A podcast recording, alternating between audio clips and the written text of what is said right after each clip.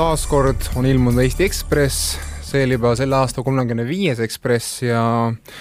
külalispeatoimetajate saaga on nüüdseks läbi saanud, aga see, seest oli seekord lehes palju muud põnevat, muidugi oli see presidendivalimiste sahinad, mis on olnud väga loetud ja lisaks veel Kirsti Oinküla kirjutatud väga hea lugu suhte tütarlapsest, kes, kes teeb praegu ülikoolis tegusid. aga meie oleme kutsunud siia saatesse häkkeri ja tehnokrati Peeter Marveti, kes natukene räägib meile küberturvalisusest. stuudios on Ekspressi ajakirjanik Otto Livrolgo ja Jakob Rosin. kõigepealt äh, Marvet, et äh, selgita mulle nüüd, äh, selgita kuulajale ka, et kes ikkagi on häkker, kas me kasutame seda terminit äkki liiga vabalt? jah, ma just mõtlesin ise ka kirjutades, et ma tean, et ma olen ise varasematel aastatel üritanud rõhutada, et need, kes pahandusi teevad, on kräkkerid ja siis need, kes on sellised, teevad ütleme, et nagu lahedaid asju ja avastavad äh,, avastavad võib-olla selliseid veidikene käimatu teid, et need on nagu häkkerid äh,. Aga kuna see mõiste on niivõrd segamini läinud, siis ma harilikult ma lihtsalt, ma, tundsin, ma kasutan ka ise häkkerit jah, ma kasutan valesti ja keegi kindlasti ütleb, aga noh, nagu noh, mis siis parata, et äh, häkkeriga on kaasas niisugune ne-, negatiivne varjund, mulle tundub viimastel, see on meedia poolt tekitatud ka natukene. jah, vaata küsimus ongi selles, et, et kunagi äh, minu juhuslikult üks selliseid viimaste aastate lemmikloenguid, mida ma olen pidanud äh, koolidirektoritele, koolis lastevanematele, Põltsamaa gümnaasiumis isegi tegelikult direktori kutsel ka äh, kooliõpilastele, äh, kannab pealkirja Kuidas õpetada häkkerit ja see sai alguse sellest, et ma ükskord hakkasin just ühel kooliõpetajate konverentsil oli vaja esineda ja see koht oli minu enda kool ehk reaalkool Tallinna kesklinnas, kus ma olen õppinud kuni vist aastani kaheksakümmend üheksa, ehk selles mõttes äh, ammusel ajal. Ja me tegelikult olime nagu meie selline nii-öelda nagu häkkerite seltskond oli see, kes äh, tegutses koolis öösel ja päeval, kellel olid olemas juhuslikud kõikide, kõikide klasside, kõikide ruumide võtmed, äh, me ehitasime arvutiklassi, raadioruumi kõike muud sellist, aga meil oli kuidagi selline, ma ütleksin, niisugune usaldusväärne suhe oma, oma õpetajatega, me ei teinud mingisugust sellist rumalat pättust, me koristasime enda tagant tegelikult ära ja meil oli kohutavalt fun kooliaeg, ma ei kujuta ette, et tänapäevastes koolides, ma olen üritanud rääkida koolinoortega, tuleb välja, et nagu need koerused, mida tehakse, on oluliselt leebemad kui need, mida sai toona teha. ja mina, mina olen nagu pärit võib-olla ütleme nagu selle poole sellisest häkkerikultuurist, kes tõesti alustas ja ja hakkas arvutitega tegelema sellel hetkel, mina alustasin perfokaartide ajastul päris. aga tasapisi on läinud see, et et kui majandus on liikunud arvutite peale, siis äh, kõiki neid äh, käimata teede ja pimedate alleede nippe õnnestub äh, väga palju ära kasutada selleks, et noh, harilikult teenida majanduslikku kasu Mm -hmm. ehk siis tegemist on siis noh, nii-öelda kogu sellise nagu küberkriminaalse poolega, ehk ma isegi nagu hea meelega äh, kasutakski selles mõttes noh, pigem sõnu, et ühe poole peal on nagu selles mõttes noh, need, need häkkerid, kes on vanad sellised või, või ka noored sellised tehnoloogiafriigid ja teevad midagi teisiti, noh, võib-olla praegust on meil noh, startup'i aegadel räägitakse Garage neljakümne kaheksast ja nii edasi, aga ja siis on olemas see pool, mis on selline äh, küberkriminaalide pool, kes äh, tõesti teevadki seda puhtalt selleks, et äh, et äh, raha teenida kas, kas see on nagu... ainult raha, kas see on äkki midagi muud ka, lihtsalt informatsioon, mida on vaja,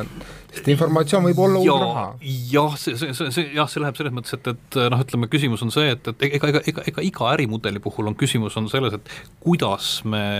midagi tehes kusagilt raha teenime. ehk siis äh, Google näitab meile ka ju tegelikult, pakub tasuta väga head otsimootorit ja e-posti teenust ja nii edasi, eks ju, aga kusagilt nad saavad selle eest raha, ehk et selles mõttes, et äh, see raha teenimine ei pea olema niimoodi, et ma tulen ja võtan sinu konto pealt raha ära, eks, on äh, on palju, palju huvitavam on äh, just arendada selliseid nagu järgmise taseme tegevusi, ehk siis kui me kujutame ette, et nagu me mängult jõudsime, või mängult päriselt jõudsime sinu arvutisse, siis kui ma oleks mänginud päriselt Ekspressi võrgus, siis järgmine asi, mida hakata sealt sinu arvutist edasi nõkitsema, on see, et et mis, mis siin ümberringi on, mis arvutid siin kontoris veel on, kindlasti on mingisugused vanemad arvutid, mis on paikamata, see üks, üks arvuti kusagil kohvimasina kõrval, mis on jäänud vanast ajast ja paikamata, sealt sealt edasi liikuda, vaadata, mis informatsioon on, eks, ja noh, hästi lihtsustav on käsitleda seda kõike sellega, et noh, nagu nii-öelda kleebime veebikaamera kinni ja sellega me saavutame nüüd mingisuguse kaitse, see veebikaamera ehk et see, et noh, me näeme sind, eks ju, see on nagu selline, ta võib-olla tunnetuslikult on sulle lähedane. minu arust oli, oli palju äh, huvitavam see trikk, et kui, kui me seda mängisime, siis ma tegin äh, enne kui me jõudsime kaamerini, ma tegin lihtsalt nagu screenshot'i sinu, sinu desktop'ist sinu arvuti ekraanist, kus oli peal seesama poolik artikkel ehk siis sisuliselt sellesama trikiga öö, äh, on võimalik ju näha praktiliselt kõike, mis noh, toimub ka teiste inim-, kui arvutit, arvuteid üle võtta, mis toimub teiste mm, sul kolleegide arvutites, on võimalik noh, ütleme neid, neid võimalusi, mida sealt annab nagu mõelda, on, on meeletutes kogusteski, et mm. -hmm. kas me, ma mõtlen nüüd seda, kui kõik see nii-öelda häkkimine, kogu selle informatsiooni kättesaamine on äh, nii lihtne, sest seda artiklit lugedes ähm, minule kui, kui tehniliste teadmisteta inimestele, inimesele jäi nagu mulje, et ta ei ole väga keeruline. et kui see on nii lihtne, kas me peaksime hakkama ümber defineerima seda, et mida me tegelikult oma arvutite, nutiseadmete hoolde usaldame, mis informatsiooni me usaldame nende kätte, et äkki me ei peaks kõike sinna kirja panema noh, selles mõttes, et see on nii jah, noh, see on, see on, siin on nagu noh, üldse küsimus on see, et mida me peaksime jah, mida me, mida me peaksime üleüldse tegema, eks ju. noh, ütleme niimoodi, et reegel on, reegel, reeglina võiks lähtuda, lähtuda sellest, et äh, see oli vist juba nüüd juba kas mingi kümme aastat tagasi, kui kas oli IBM-i turva, turva research äh, äh, ütles, et me peame järgnevatel aastatel äh, lähtuma sellest, et kõik meie seadmed on kompromiteeritud ehk selles mõttes kellegi teise poolt äh, üle võetud. ja sa pead, sa pead nagu selles mõttes mõtlema, tähendab, et noh, üks asi on jah see, et mis informatsioone sa sinna paned, äh, mm, mis informatsiooni sa kus hoiad, mis informatsiooni sa kuidas hoiad äh, ja siis, ja siis me peame, ja me peame, peame mõistma seda, et, et et see informatsioon, mis on meie arvutis, see võib saada kellelegi teada, teada, teadaolevaks. no see tekitab paranoiat inimestes, usaldamatust noh, jah, selles mõttes noh, ütleme niimoodi, et ma ise loen ennast selles mõttes ka võrdlemisi paranoiliseks inimeseks, et ma ei äh, vaata kuna noh, niivõrd palju nagu üle õla, aga äh, ma kogu, kogu aeg tunnen seda nagu tunnetust, et, et kui mul on mingisugused ka mingid veebisaidid, mida ma olen aidanud teha ja hoida äh, Äh, noh, kui ma praegust olen äh, Zone.ee-s küll sellise turunduse poole peal, aga ma tean, et meil on mingisugune kolmkümmend tuhat virtuaalserverit, kus on, kus on kellegi üles laetud veebilehed, seal on väikesed firmad, suuremad firmad ja nii edasi, ja mul on kogu aeg on nagu, mul on, mul on noh, nagu iga, iga hommiku ma ärkan selle murega, ma ei ärka, ma ei muretse võib-olla oma telefonis olevate andmete pärast, jah, mu telefon käib lukus ja nii edasi, aga ma mõtlen just nende kõigi pärast, kes äh, ei ole aru saanud sellest, et mis andmed need on, et need andmed võivad üldse kuhugi jalutama minna, mis nende andmetega on võimalik äh, edasi teha, äh, või siis vaatame teistpidi, nagu me selles läbi mängisime, noh, nii-öelda nagu poestrateegiat mm, -hmm. et mhm. sa logisid sisse netipoodi ja ma võtsin vahelt parooli, siis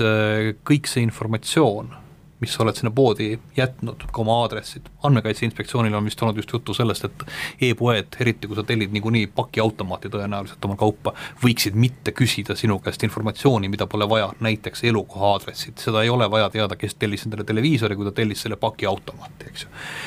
Aga see informatsioon on seal ja selle informatsiooniga kui sul tekib välja niimoodi, et sa ise ei tea, et sa, sa ei kujuta ette, et kellelgi võiks informatsioon olla, siis oled sina selles mõttes äh, kergemini rünnatav, nii et see ütleme jah, olukord on minu arust nagu suhteliselt äh, masendav. üks asi, mis ma loo alguse suhtes tahaksin ära korrigeerida, et äh, loo alguses, kuna me mängisime, kui me mängisime mm -hmm. seda sinu arvuti ülevõtmist, siis siis me võtsime Windows kümne pealt maha vist selle Windows kümne kaitsevahendi yeah. ja, ja antiviiruse, et, et kellelgi ei jääks muljet, et et äh, antiviirus ja see Windows kümne kaitse midagi kaitseb,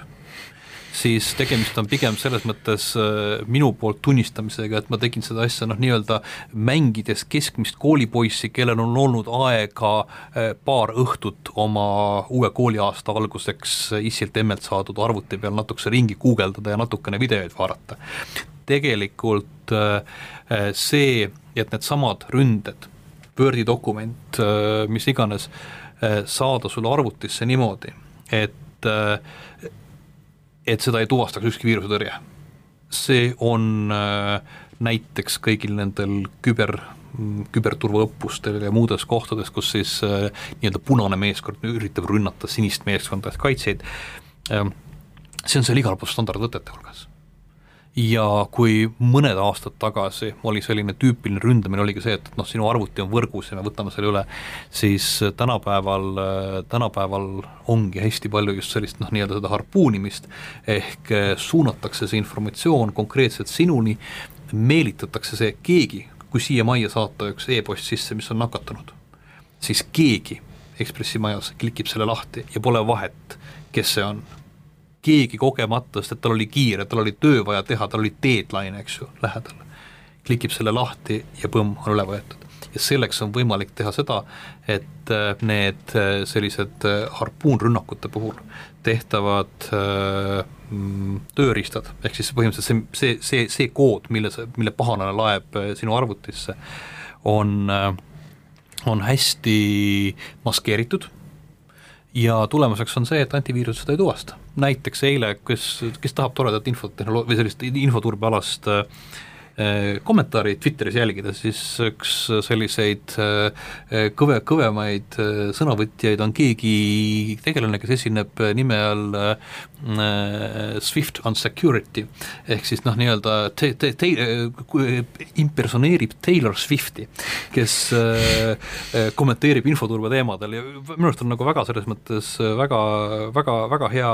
kirjasõnaga tegelane, ta ise on mingis firmas, ka tegeleb infoturbega. Ja tema üks eilseid, äh, eilseid tweet'e oli see, et meie, meie ostuosakond on tõsiselt vinged, et nad ei avanud seda ühte Wordi dokumenti, mis oli tulnud, mis oli väga, nägi väga selles mõttes legitiimne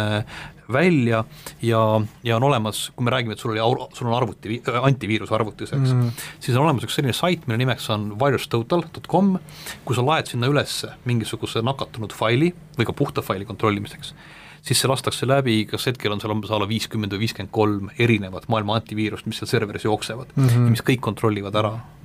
ja äh, äh, konkreetne näiteks see tema firmasse tulnud Wordi dokument leiti viiekümne kolmest nulli poolt. ehk et äh, noh, neid asju, mida tegelikult ei tuvastata mm -hmm. on hästi palju, seal on nagu ütleme, sellest, et miks, miks, miks, miks seda on raske tuvastada, on võimalik äh, eraldi rääkida, aga ütleme noh, kõige lihtsam on, on see, et kui meil on tegemist mingisuguse tuvastusega, siis peab olema ära mäng-, märgitud, ütleme selline nii-öelda piir, kust alates see asi osutub noh, nii-öelda viiruseks mm. -hmm. see, see ei ole selles mõttes, no ei ole niimoodi, et see on viirus ja see ei ole viirus. Äh, ja vältimaks valepositiivseid ehk valealarmide tekitamisi, noh, kõik leiavad seal mingisugused oma piirid selle tõttu, et su arvuti saaks üleüldse töötada, ilma et ta kogu aeg ütleb, et mulle tundub, et siin on viirus, no selle tõttu läheb üht koma teist läbi, nii et selles mõttes noh, nagu jah, päris, see, see ongi päris scary, et ja samuti nagu näiteks eelmine nädal, eh, neljapäeval tabas suurt hulka veebisaite eh, rünne, mille peale nad liideti spämmi saatmise botnetiga. eelmise nädala selle ründe konkreetseks sihtmärgiks oli näiteks selline asi nagu Joomla nimeline sisuhaldus, mida, mille turuosa on läbi aastate olnud umbes kolm protsenti, ehk selles mõttes võite ette kujutada, palju on Eestis veebisaite ja oletame, et neist umbes kolm protsenti on, on joomlaga, natuke väiksem protsent on tõenäoliselt vanemate versioonidega või paikamata, aga ma usun, et neid Eestis on noh, ütleme nagu tuhandeid kindlasti mm. -hmm. ja tuldi sisse, tuldi sisse turvaaukudest, mis on paikamata ja teada aastast, kui ma nüüd ei eksi, kaks tuhat kaksteist võeti massiliselt üle ja noh, konkreetselt noh, meie Sõnis avastasime seda sellepärast, et oli näha, et, et hakkas toimuma spämmi saatmist ja noh, nagu tuled läksid põlema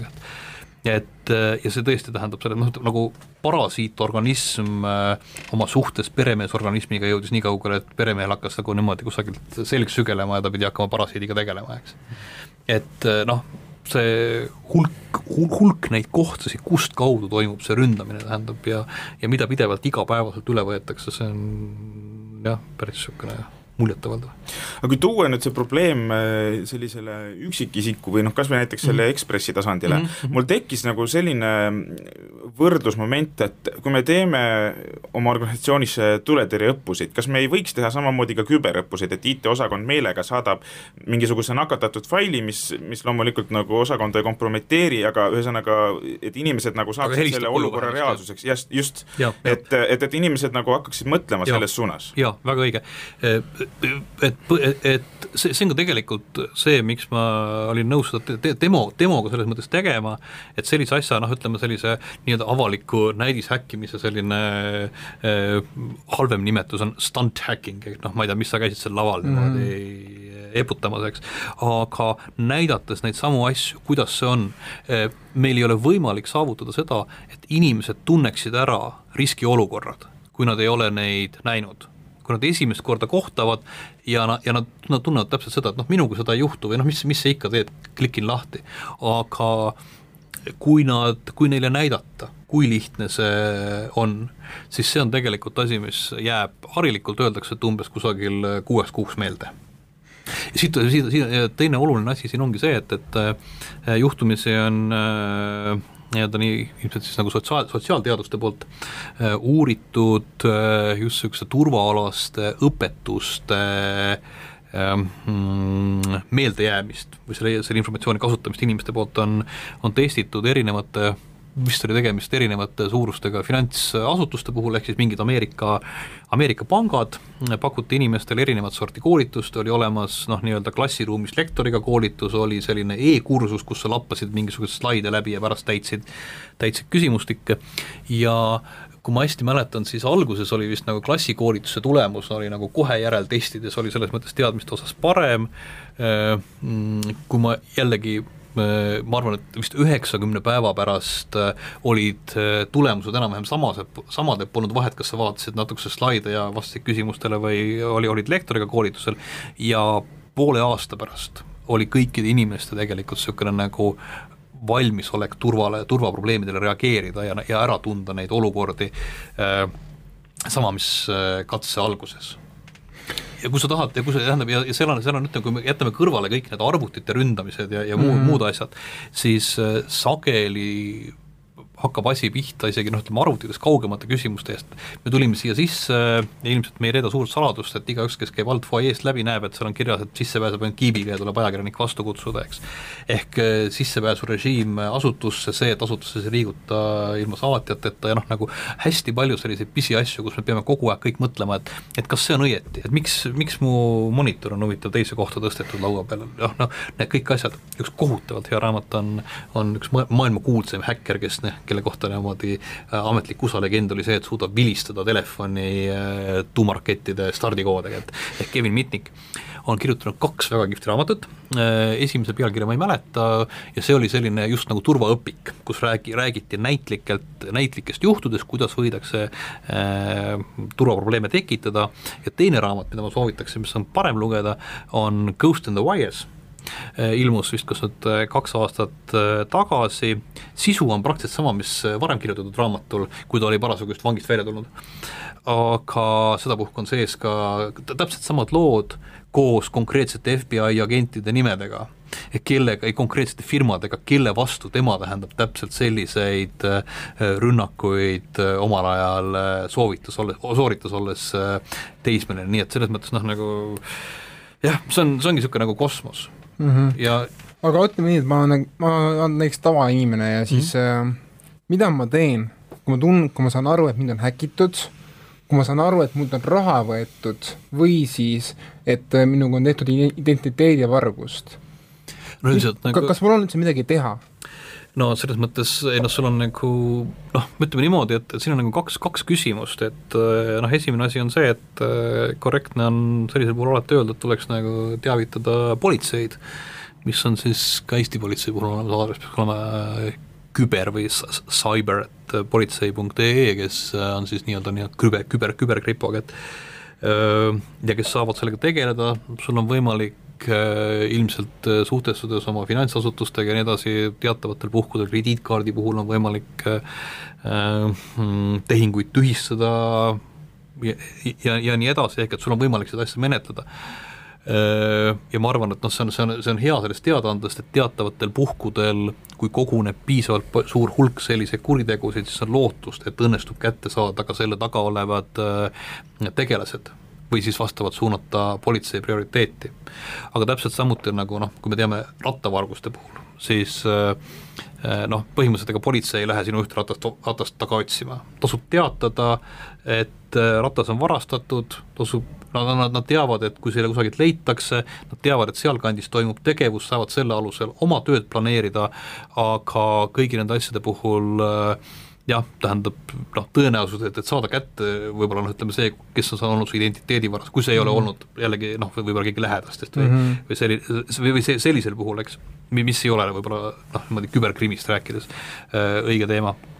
aga, aga edasi äh,, seal ongi see, et, et äh,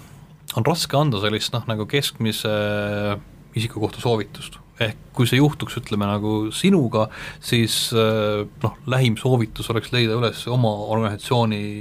IT-juht äh, või, või turbejuht, kui, kui, kui midagi sellist on olemas, noh, ja siis äh, te, tema abil hakata seda edasi sortima. kui sa oled lihtsalt mees metsast, siis ma ei tea, ma kahtlustan, et see arvutiga on kõige lihtsam, on see, et, et osta uus arvuti et eh, noh, selles mõttes, et eh, kui su arvuti on tõenäoliselt juba enne aastateks vana ja, ja keegi peaks selle puhastamisega tegelema tunde, siis ütleme, see noh, IT-inimese tunnihinna korrutistundide arvuga tõenäoliselt läheks nagu suureks, pigem on mm -hmm. küsimus on selles, et kas keegi suudab sealt arvutist tõsta need failid välja niimoodi, et need oleksid eh, turvalised mm. -hmm. no varundad kusagil Dropboxi ja teiselt poolt tõmbad sisse ja siis hakkad mõtlema järgemööda, öeldakse, öeldakse, et turvalisus ei ole nagu asi, turvalisus on protsess või, või mõtteviis, ehk äh, hakkame pihta tegelikult sellest, et me eh, muudame te,, teeme hulga väikeseid samme, mis ei muuda meie enda elu oluliselt keerulisemaks või raskemaks, see turvalisus ei tohi kunagi muuta meie elu keerulisemaks, äh, mm, siis me ei täida neid reegleid ja hakkame liikuma tasak-, niimoodi noh, nagu sammhaaval, ehk et äh, keerame oma wifi ühendused äh, turvalisteks, turvalises wifi ühenduses, parooli all olevas wifi ühenduses on võimalik ka sinna on võimalik sisse murda, seal on võimalik äh, pealt kuulata, me tegime sinuga küll lahtise, lahtise võrguga, et oleks lihtsam mängida, et aga võimalik, aga see, lülitame selle sisse ja jälgime, et me alati kasutame, esimene asi. järgmine asi on noh, veebisaidid seesama, et sul oleks peal see nii-öelda see HTTPS ehk roheline tavalugukene, mis tähendab, et ühendus veebisaidi ja veebiserveri ja sinu arvuti vahel on äh, turvatud, eks ju. sealt edasi seesama lihtne soovitus äh, paroolide kohta, ära kasuta kunagi sama parooli äh, paaris erinevas kohas, sest et need lekivad, on niivõrd palju on süsteeme, kus siiamaani hoitakse parooli lahtiselt see on nagu täna, täna just tuli teavitus ühe Dropboxi mm, parooli häki kohta, kui ma hästi mäletan, seal oli vist miljoneid neid kasutajaid, kes järjekordselt, kelle, kelle paroolid on osaliselt, on vähemasti lekkinud. Aastal kaks tuhat kaksteist. Ehk et noh, see, see, see, kus sinu andmed võivad liikuda, kus sinu paroolid võivad olla, on niivõrd arusaa-, noh, nii, niivõrd ette, ette ennustatamatu. on olemas hulk mugavaid tööriistasid keerukamate paroolide haldamiseks, One Password lastpass.com, minu arust ta, selline nii-öelda eraisiku kasutus on isegi tasuta, tasuta, et sa saad genereerida keerulisi paroole ja hoida neid niimoodi krüptitult ehk salastatult, et seda et sinna ei pääse ligi äh, ja siis hakkad, siis on järgmine asi, kõik need teenused, mis vähegi lubavad, nagu Gmail, no tõenäoliselt paljudel meist on selliseks põhiliseks postikliendiks on Gmail, eks. Gmailis on olemas selline asi nagu kahefaktoriline autentimine. ehk siis noh, lihtsamal puhul saadetakse sulle telefoni peale SMS jällegi, see asi on ka häkitav, aga ütleme niimoodi, et me iga samm, iga selle sammuga me jätame, lahutame sellest kõikide häkkerite hulgast, kes nagu lihtsalt saaksid sulle ligi, viskame maha võib-olla no ütleme, seitsekümmend viis protsenti. ja kui sa võtad seitse, jääb kakskümmend viis järgi, kahekümne viiest viskad seitsekümmend viis maha, eks ju, jääb mm, mingi viis, kuus protsenti, peast ei ole kiire arvutaja, eks ju. no sealt viskame seitsekümmend viis protsenti maha, jääb veel väiksem, eks ju mm -hmm.. ehk tegelikult nende hulga sammudega aa ja telefonile paned selle luku peale, et telefon ise, kui sa võtad lahti, siis on vaja mingisugust pin, pinni lüüa või teha, joonistada sõrmega midagi, eks ju. jällegi on kindlasti on rünnatav, aga ta vähendab selles mõttes seda tõenäosust ja niimoodi oma tegevusi läbi mõeldes, selles mõttes noh, minul on pangas on äh, mitu kontot mul on üks konto, mis on mu debetkaardi konto, seal peal äh, ma hoian mingisugust sellist äh, noh, ütleme, et äh, igapäevakasutuseks vajalikku rahasummat, muid ma hoian teise konto peal, mille küljes mul ei ole kaarti. ehk tõenäosus, et keegi mu konto tühjaks tõmbab, on väike. kontole login ma sisse ainult ainult mõistagi, eks ju, kas siis mobiil-ID või ID-kaardi või, või PIN-kalkulaatoriga, eks ju, noh see pool on turvaline, noh mõtleme, mis on järgmised asjad, eks ju, kodust mm -hmm. lahkusid, ukse panin kinni, eks ju, jah, eks ju, panin küll kinni kodune wifi on parooli all, eks äh, no neid noh, neid võtmeid on palju. et, et, et, et, et, neid, noh, tulebki nagu iga, igas selles mõttes olukorras mõelda kainelt, täpselt samuti nagu sa lähed autoga sõitma, eks ju, kõigepealt sa lähed autoga sõitma kainelt, eks ju, siis sa nagu hindad ilma, kas sa saad, kas sinu kogemused ja kõik on selleks võimelised, noh, võimalikud ja, ja nii edasi. Ja noh, arvuti puhul on samuti noh, ja siis ütleme noh, jällegi üks asi, mis oli meie näites, olid needsamad need, need veebisaidid mille puhul ongi nagu suurim küsimus on selles, et, et äh, sa suudad selle ise püsti panna, jah. sul on võimalik panna sinna tasuta tarkvara, sa maksad nii-öelda noh, nagu neli kaheksakümmend kuus, eks ju, ja see ongi nagu kogu, kogu veeb, kõik, kõik sellest toimib, eks ju. aga sellel hetkel, kui peaks juhtuma, et sul on vaja küsida abi selle kordategemiseks, siis me jõuame tegelikult sama selle arvuti näite juurde, et tõenäoliselt sinu N aastat äh, kogunenud sellise armsa kraami puhastamine potentsiaalselt sinna sattunud pahalastest on äh, noh, jällegi selline, tähendab noh, nagu noh, ütleme nagu kolmekohane number ilmselt nagu kindlasti, eks ju. ja ja, ja kuida-, kuidas sealt välja tulla, noh jah, me võime neid me võime siin sada aastat rääkima. kahjuks ma pean, meil hakkab aeg otsa saama, et meil läheb teine külaline peale, mm. aitäh, Peeter Marvet, et tulid saatesse ja järgmiseks külaliseks on Mari Timakov Õpetajate Liidust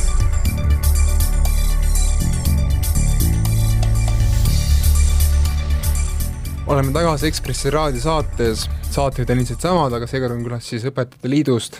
Margit Timakov. tere, Margit, ma, ma ei ole kindel, kas sa said lugeda kõik need artiklid läbi, mis tänases Ekspressis on olnud hariduse kohta, neid oli päris mitu tervist, oli küll tõesti mitu päris põnev, erinevaid igasuguseid, nii et ma arvan, et peaaegu kõik sai ikkagi loetud. mis sinu jaoks oli kõige üllatavam näiteks selles Praxise uuringus, mille Ekspress tellis?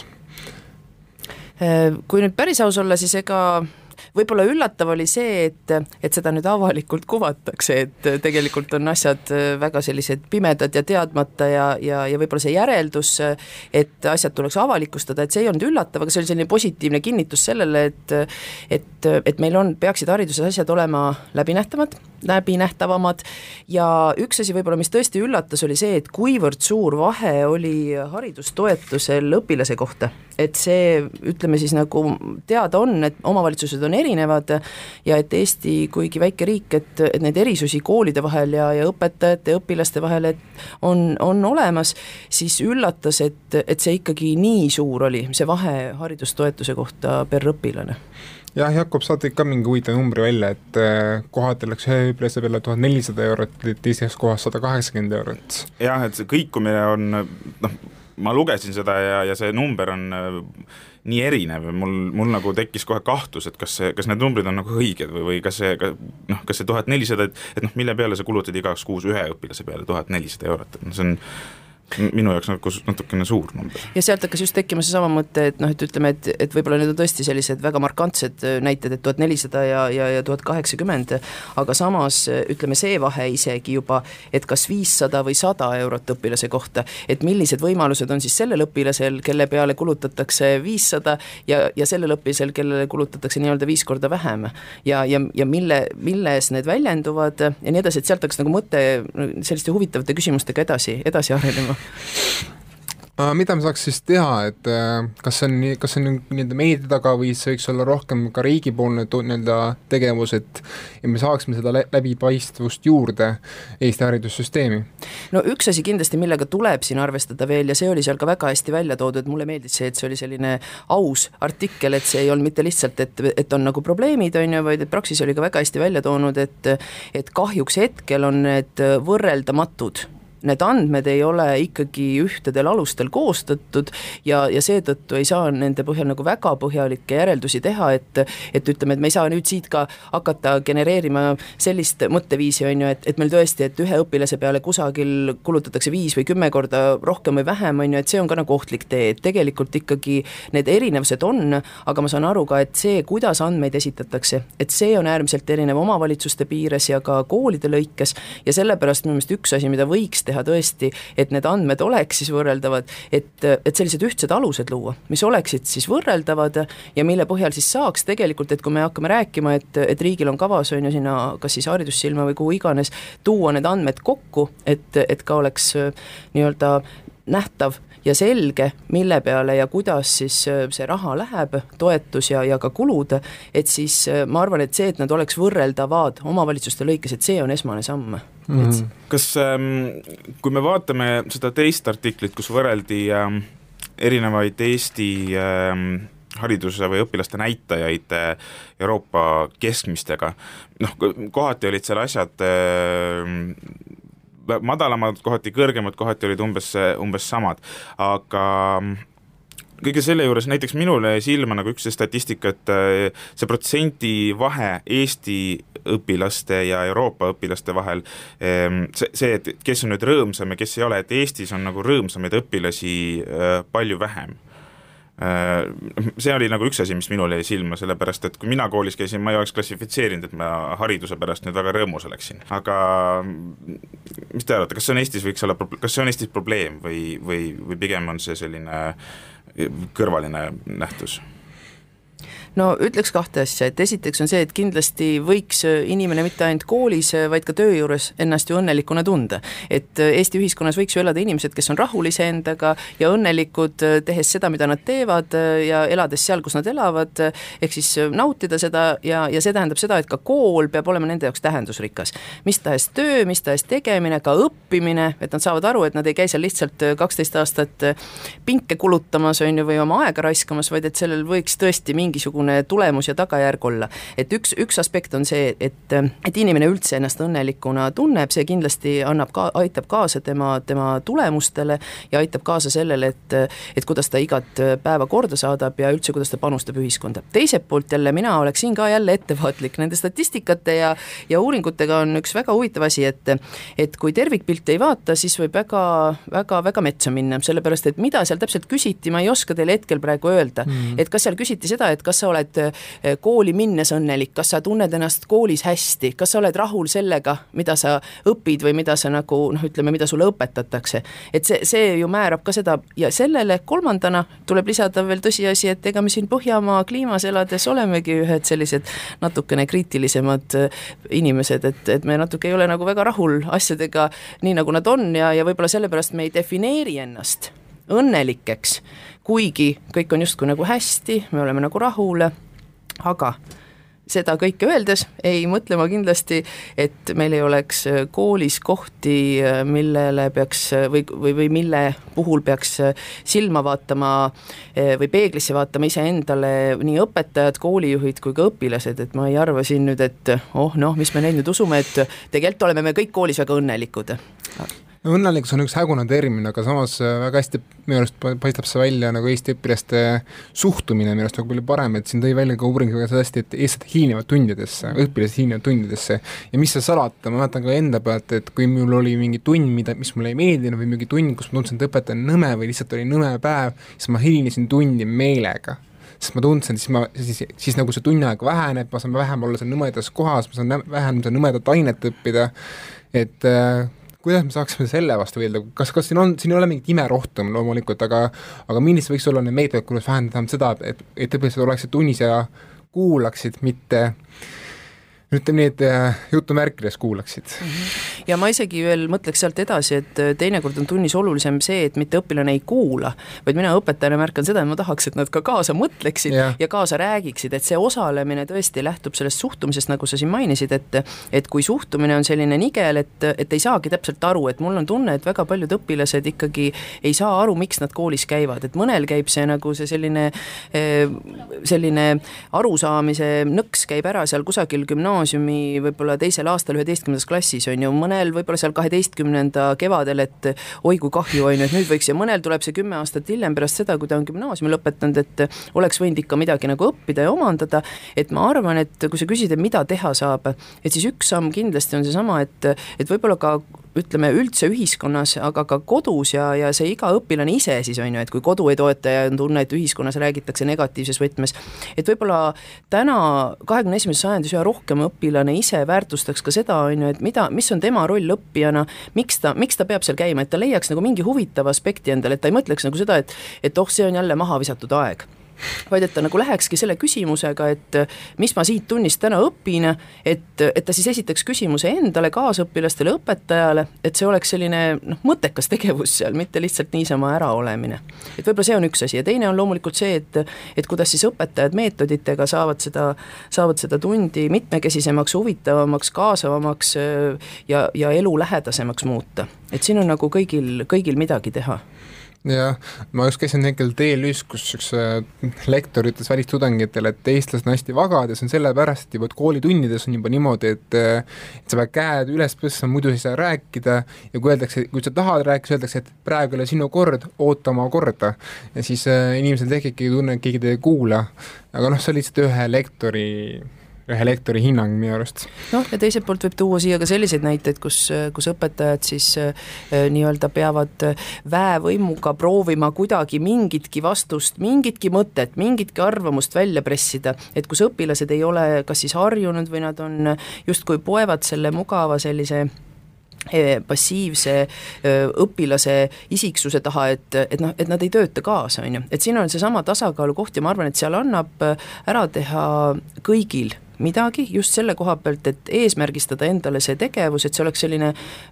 ütleme siis sihipärane, aga et see oleks ka, et see oleks tähendusrikas. et see tähendaks sinule midagi, kui sa, et see oleks võib-olla üleskutse minu meelest ka nagu õppeaasta alguses, et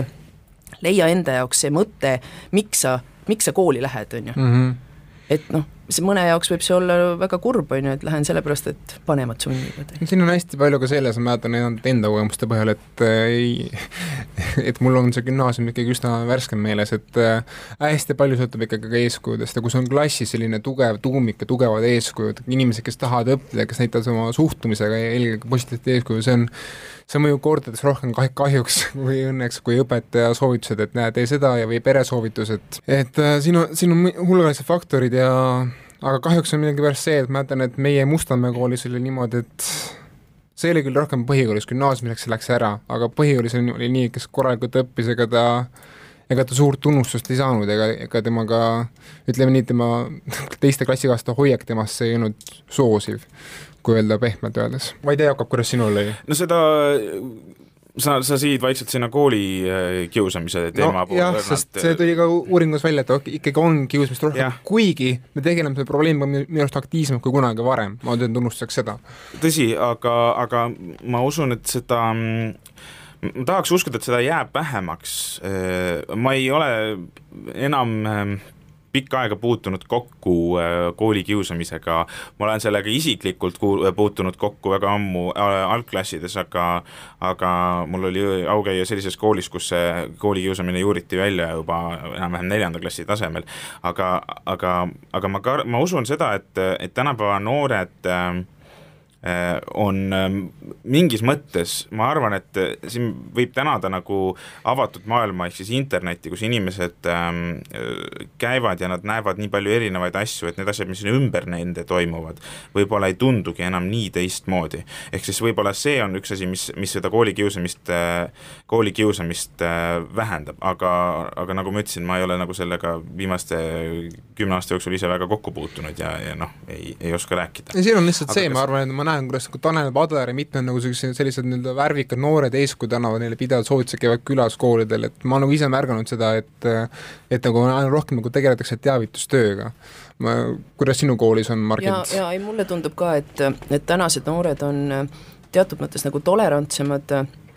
aktsepteerivad, nad on noh, ütleme teatud piirini ikkagi võib-olla selles mõttes kaasavamad kõikide suhtes, kes, kes nende klassis ja koolis on, aga aga kindlasti ütleme siis noh, mm, kahjuks noh, millegi, millegipärast kusagilt ikkagi tuleb, on ju, ütleme need just needsamad uuringutes kuskil, et et kuidagi, kuda-, kusagil see ikkagi on olemas, siis ma jälle küsin endalt, et kas see on jälle ka see, et mida ma pean kooli kiusamiseks, on ju ma ei taha seda nagu vähendada, see on nagu tõsine probleem ja see tuleb välja juurida, sellest tuleb tegelikult ka teavitada, et see peab olema samamoodi nagu selline avatud diskussioon nii nende suhtes, keda kiusatakse, kes siis näevad ja, ja kes siis ka tegelikult noh, ütleme, teavad sellest, on ju, et seda arutatakse, välja juuritakse, aga teistpidi tõesti ka, et, et noh, ütleme, et, et võib-olla me oleme ka tundlikumad et, et noh, et võib-olla iga kord äh, see ei ole nagu kooli kiusamine, kui keegi ei ole nõus meie arvamusega, on ju, et noh, ütleme võib-olla sellised mingid näited, on ju, ütleme, kus kus võib-olla see noor äh, teismeline, on ju, või, või veelgi noorem tunnetab kiusamisena midagi sellist, mis ei ole, on ju, seda, ma lood-, ma noh, ma, ma taha, ma tahaks loota, et neid juhtumeid on rohkem, on ju, aga ma ei saa, ma ei saa vähendada seda, et, et tõenäoliselt äh,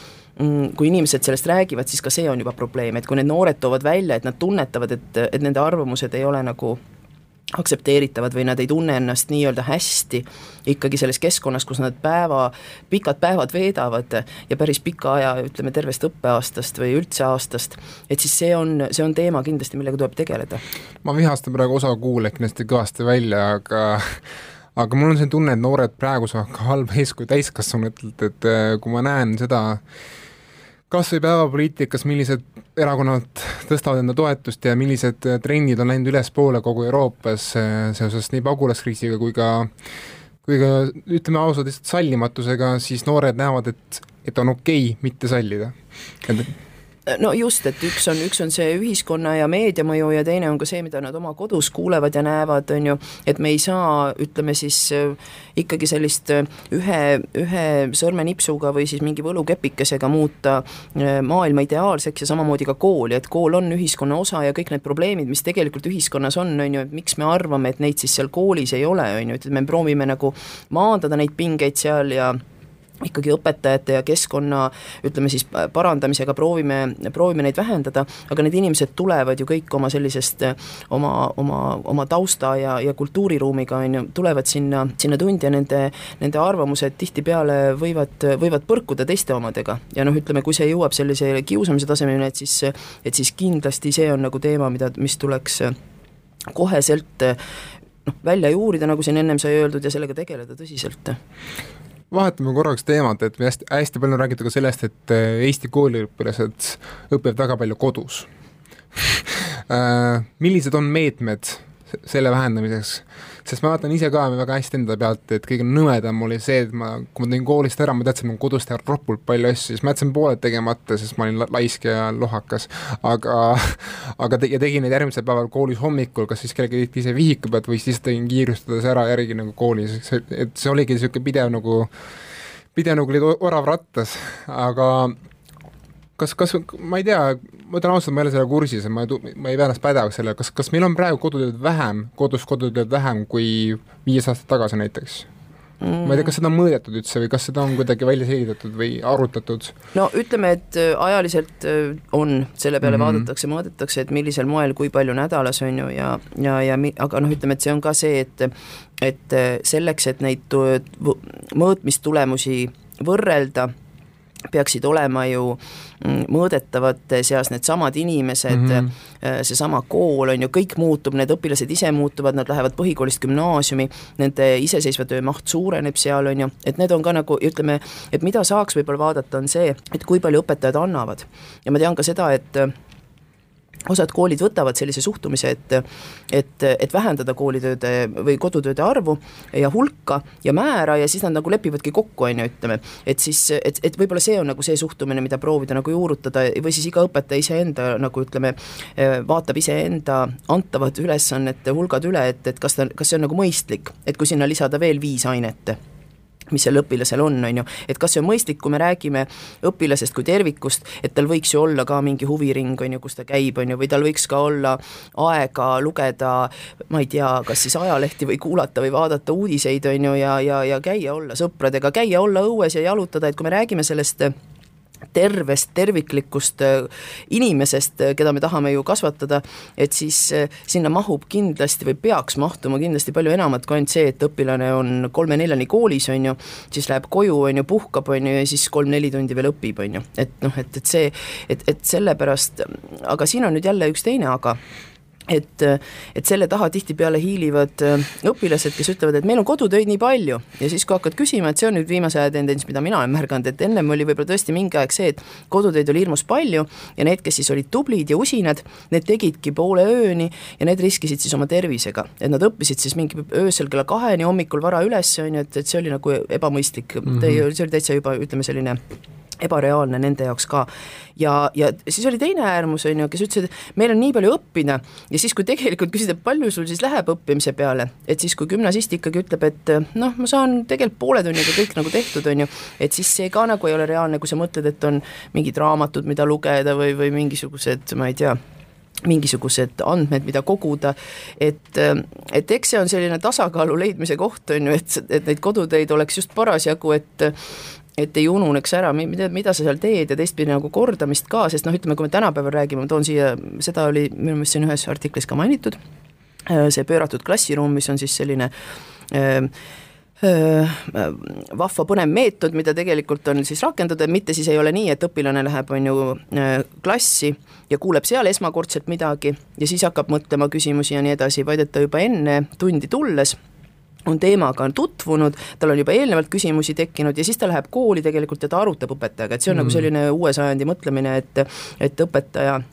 kas ainult kui infojagaja või õpetaja kui siis ütleme, see arutaja, suunaja, äh, juhendaja ja nii edasi. aga et seal on täpselt seesama asi, et kui me räägime sellest, et kasutame innovatiivseid uu-, uuenduslikke meetodeid, siis olgem ausad, kus sa siis selle, kust sa selle info siis saad, ega keegi sulle selle kiibina nagu pähe ei keevita seda, seda, et sa pead ikkagi seda ju materjali läbi töötama. kuigi ma olen märganud, et osad alternatiivide kanalid just ütlevad, et peaksime panema kivid kätte ja aiu, aga aga see selleks. ma tahtsin ähm,, korra mainisime siin uudiseid äh, ja, ja meediat, äh, ma hakkasin mõtlema, et, et kas koolisüsteem või, või kogu see haridussüsteem, kogu see info, mis me õpilastele anname, kas ta peaks olema paindlikum, kas ta peaks äh, suutma kohaneda selle kiire maailmaga? kui sa ütled, et äh, hakkame õpetama lastele kristalle, siis palun ei. ei, ma ei mõtle päris seda aga, aga, aga ütleme, rääkides näiteks meediast, et kas me ei peaks ähm, ma ei tea, kui tihti või kui palju täna koolis arutatakse igapäevaseid äh, uudisteemasid, mis, mis meediast läbi käivad, kas äh,, kui palju äh, koolis arutatakse presidendivalimisi, loomulikult näiteks noh, klassiti erinevalt, eks ole, me ei, me ei aruta teise klassi õpilastega äh, üle, selle üle, et kelle poolt nüüd Keskerakond või vabandust, Reformierakond peaks äh, ähm, hääletama või kelle ta peaks esitama, aga, aga, aga lapsed nagu äh, saaksid äh, selle igapäevase uudistevooga ja, ja, ja nende kõneteemadega, mida, millest nagu räägib tegelikult ülejäänud ühiskond, samuti käe pulsile, kas, kas seda oleks vaja? Oi muidugi, ma vahepeal tahtsin juba siin, hoidsin ennast tagasi, et ma vahele ei hõikaks ja ütleks, et appikene, aga seda juba tehakse täna koolis, on ju, ja siis teistpidi, et tekkis tahtmine vahele hüüda ja öelda, et oleneb koolist, on ju, et oleneb koolist ja oleneb õpetajast. et ma tean seda, et, et või ma ei kujutaks ette, et täna ühiskonnaõpetuse või ajalooõpetaja, on ju, või siis inimeseõpetuse õpetaja või siis mis tahes keeleõpetaja on ju, olgu siis eesti keelest või siis ka võõrkeeltest juttu, et, et ta suudaks nagu vaadata kuidagi üle hommikul tundi minnes äh, sellest, mis on nagu toimunud, et, et minu meelest see käib nagu selle asja juurde, kas siis sellise tunni sissejuhatava osana ja vahetundides on ju, et minu meelest see käib nagu kogu aeg. Ja siin ma ei taha, tähendab üldse mitte loodusaineid või ka matemaatikat, füüsikat välja jätta, et ma tean õpetajaid, kes, kes esimese asjana teevadki, on ju, et küsivadki, et kas, kas te teate, et millest täna möödub sada aastat, on ju, või noh, mhm. ütleme, et, et see on nagu küll selline ajalooline perspektiiv, aga samas ka sellised igapäevased asjad, et, et ma tooks kõik või taandaks jõuaks kõik ikkagi selleni, et, et inimfaktor on ikka äärmiselt oluline, et kõik ikka oleneb sellest, et tänases koolis mina ei julgeks väita, et üha rohkem ja rohkem tuuakse sisse nii äh, internetti, muud meediat äh,, rakendatakse õpilaste nii äh, digipädevusi kui ka oskust ja kriitilist mõtlemist selle läbi, et nad peavadki järgmiseks päevaks äh, leidma mingisuguseid andmeid või siis järgmiseks tunniks, et nad peavad tutvuma et seda ikkagi teadlikult proovitakse, proovitakse sellist meedia, meedia töötlemist nii-öelda kujundada. seda on mul väga hea meel kuulda. siinkohal peamegi lõpetama saate ära, sest ma tean ka, et ka teil, kuulajatel, on tegevusi, mida, mida, mida muud teha ja see saade on täna juba olnud pikk. aitäh, Margit, et tulid meile külla, soovin hea, alghead algavat kuulajast enda õele, kes vahetas kooli ja läheb nüüd reaalkooli kümnendasse klassi, loodan, et sinul tuleb väga ilusad kolm kooliaastat seal gümnaasiumis ja lõppu paneme Mõmme abitsa laulu.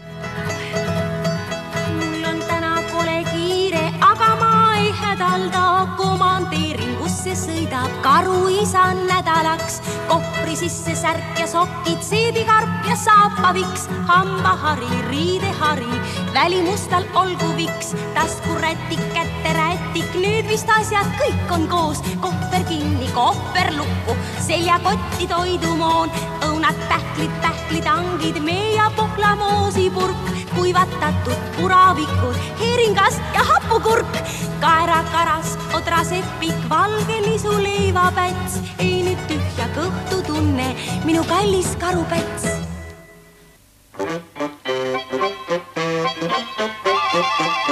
ma olen väike, olen alles väike ja päris koolis veel ei käi ja minu väike karupeake on karutarkust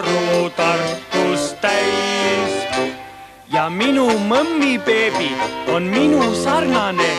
nii armas väike karu, nii pehme, karvane.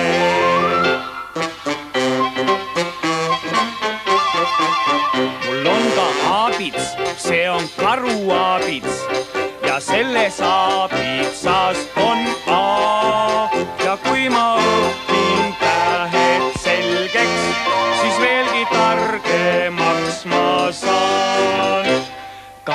ema ütleb mulle, sa oled virk ja kraps, nii armas väike mõmmi, üks toore karulaps. Siis kui kassid suuvitasid, hiired naeru publistasid, korraldasid trilli-tralli, pühapäeva pillerpalli, kes lõi kingad klantsima, kes läks kohe tantsima, Polttaa huukin saavat siikin, siiven rohkin tuijutiikin. Kieruttatti, tiiruttatti, pöörän kirjuks kriinustätti, kieruttatti.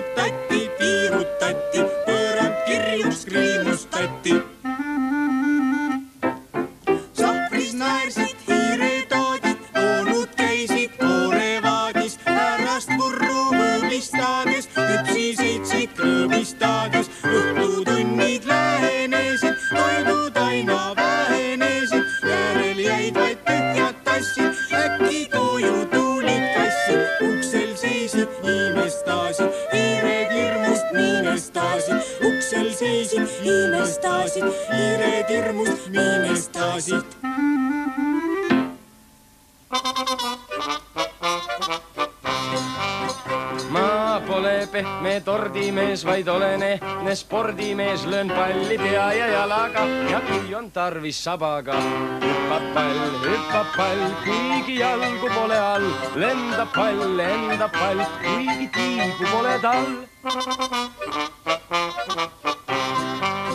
mul meeldib palli taguda, kuid pallil meeldib kaduda, kord rohu sisse peidab end, kord rohu sisse heidab end. Hüppab pall, hüppab pall, kuigi jalgu pole all, lendab pall, lendab pall, kuigi tiibu pole tal.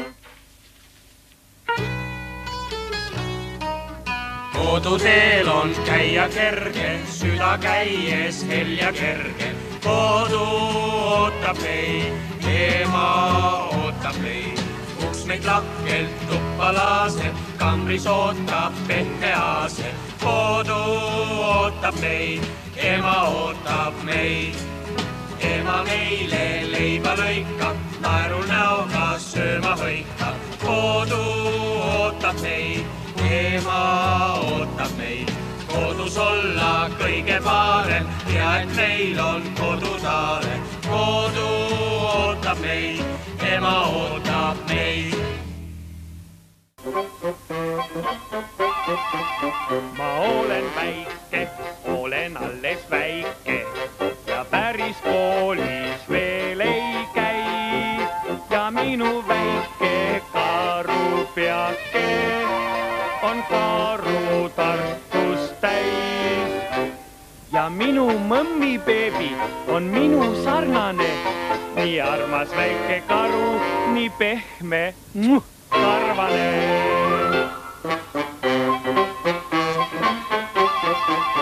mul on ka aabits, see on karuaabits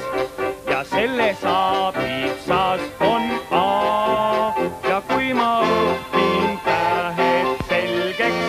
siis veelgi targemaks ma saan. ka ema ütleb mulle, sa oled virk ja kraps, nii armas väike mõmmi, üks toore karulaps